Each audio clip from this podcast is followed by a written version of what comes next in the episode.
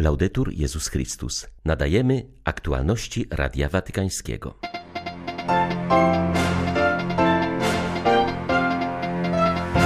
Nie ma potrzeby obawiać się wielości charyzmatów w Kościele. To doświadczenie powinno radować.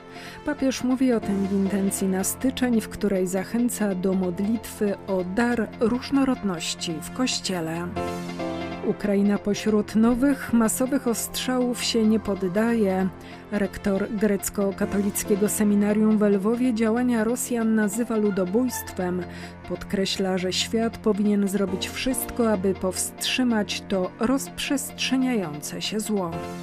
Bóg dzień po dniu czynił dla mnie cuda. Tak o swej niewoli w rękach islamskich fundamentalistów mówi ksiądz Hans Joachim Lore. Niemiecki zakonnik przez rok więziony był na pustyni w Mali. 2 stycznia wita Państwa Beata Zajączkowska. Zapraszam na serwis informacyjny. Nie ma potrzeby obawiać się wielości charyzmatów w Kościele. Doświadczenie tej różnorodności powinno nas raczej radować. Ojciec Święty mówi o tym w intencji modlitewnej na styczeń, w której zachęca do proszenia o rozpoznanie daru różnych charyzmatów w Kościele. Aby iść naprzód na drodze wiary, konieczny jest dialog ekumeniczny z naszymi braćmi i siostrami z innych wyznań i wspólnot chrześcijańskich. Nie jest to coś niezrozumiałego czy niepokojącego, lecz to dar, który Bóg daje wspólnocie chrześcijańskiej, aby mogła wzrastać jako jedno ciało, ciało Chrystusa. Pomyślmy chociażby o kościołach wschodnich. Mają one swoje własne tradycje czy charakterystyczne obrzędy liturgiczne, a jednak zachowują jedność wiary, wzmacniając ją, a nie tworząc podziały. Jeśli Duch Święty nas prowadzi, obfitość czy różnorodność nigdy nie powodują konfliktu. Módlmy się, aby pomógł nam rozpoznać dar różnorodnych charyzmatów we wspólnotach chrześcijańskich i odkryć bogactwo wielości tradycji obrzędowych w Kościele katolickim.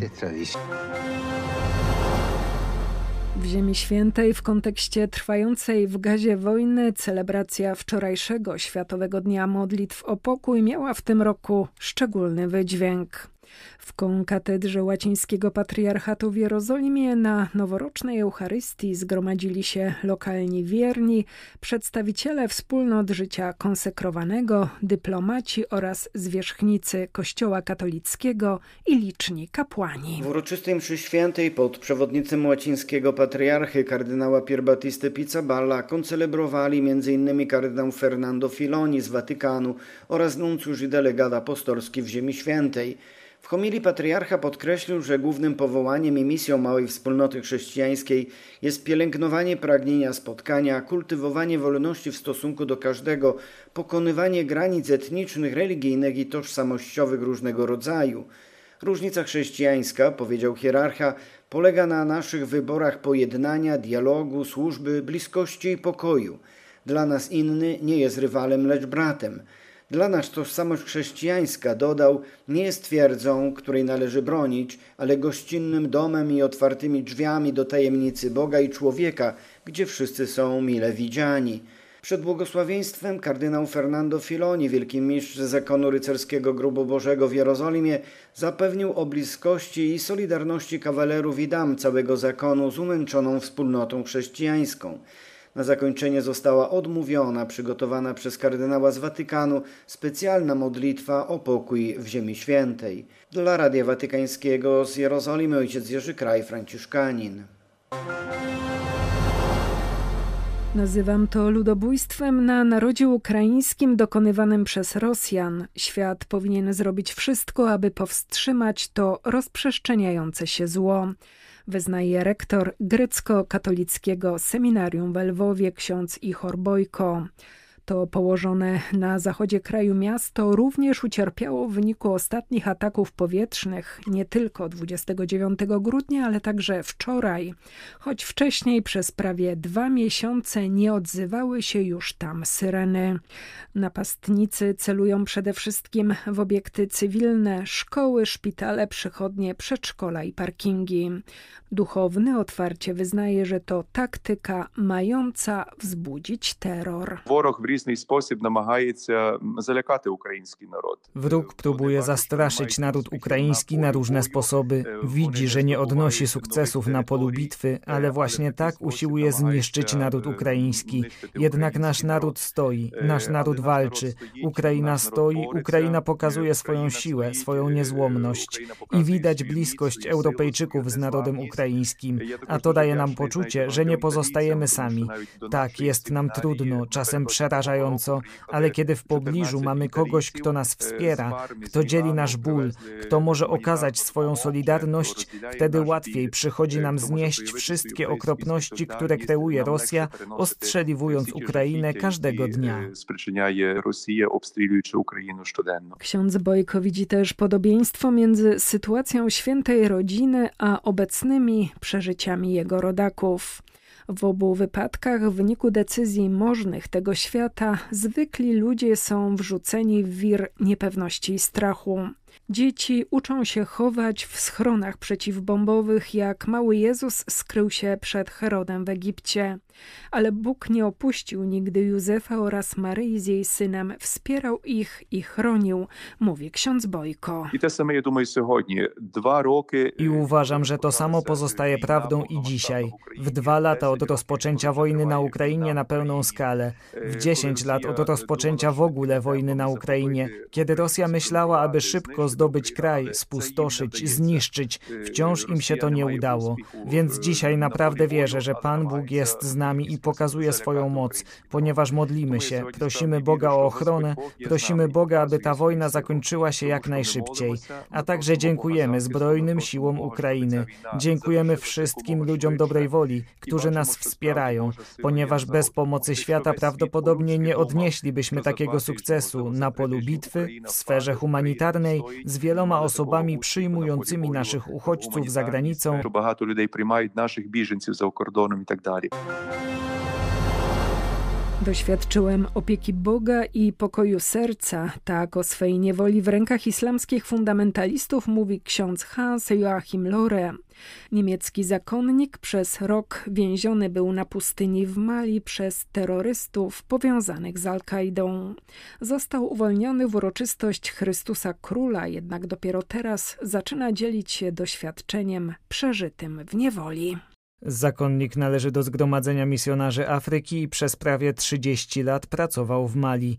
Wierni zaniepokoili się, gdy nie pojawił się na mszy, którą miał odprawić, a jego telefon nie odpowiadał. Przez rok nie podano żadnych informacji o jego miejscu pobytu ani stanie zdrowia. Szczegóły uwolnienia pozostają owiane tajemnicą. Wiadomo jedynie, że zaangażowany był niemiecki rząd. Na odzyskanie wolności patrzy w kategorii cudu. Ten rok na pustyni w Mali pozwolił mi doświadczyć, że Bóg dzień po dniu czynił dla mnie cuda. Misjonarz podkreśla, iż miał dość wody i jedzenia, a Bóg oszczędził mu w tym czasie chorób, nawet bólu zęba. Zakonnik wyznaje, że największym cudem było dla niego przeżycie tych 368 dni na modlitwie w głębokim pokoju wewnętrznym i świadomości obecności Boga. Mali należy do krajów najmniej przychylnych chrześcijanom. Od lat jest sceną ataków islamskich ekstremistów. Świadectwo wiary młodych ludzi jest bardzo potrzebne nie tylko danemu miastu, ale każdemu z krajów naszego kontynentu, podkreślają uczestnicy zakończonego wczoraj europejskiego spotkania młodych w stolicy Słowenii. W Lublanie modlono się o pokój i zgodę między narodami. Co jest dla mnie najważniejsze i to, co daje mi największą radość, Brat Maciej z TZ to młodzi ludzie, którzy są zadowoleni z tego spotkania i spotkanie bardzo im się podobało. A modlitwy, szczególnie te wieczorne w dużej hali arena, były cudowne. I do tego dochodzi to, co dzieje się w duszach młodych ludzi w czasie spotkania. Spotkania z drugim młodym człowiekiem, spotkania z rodzinami, które przyjmowały tych młodych ludzi. I w tej przyjaźni odnajdujemy tego, który jest najważniejszy Jezusa.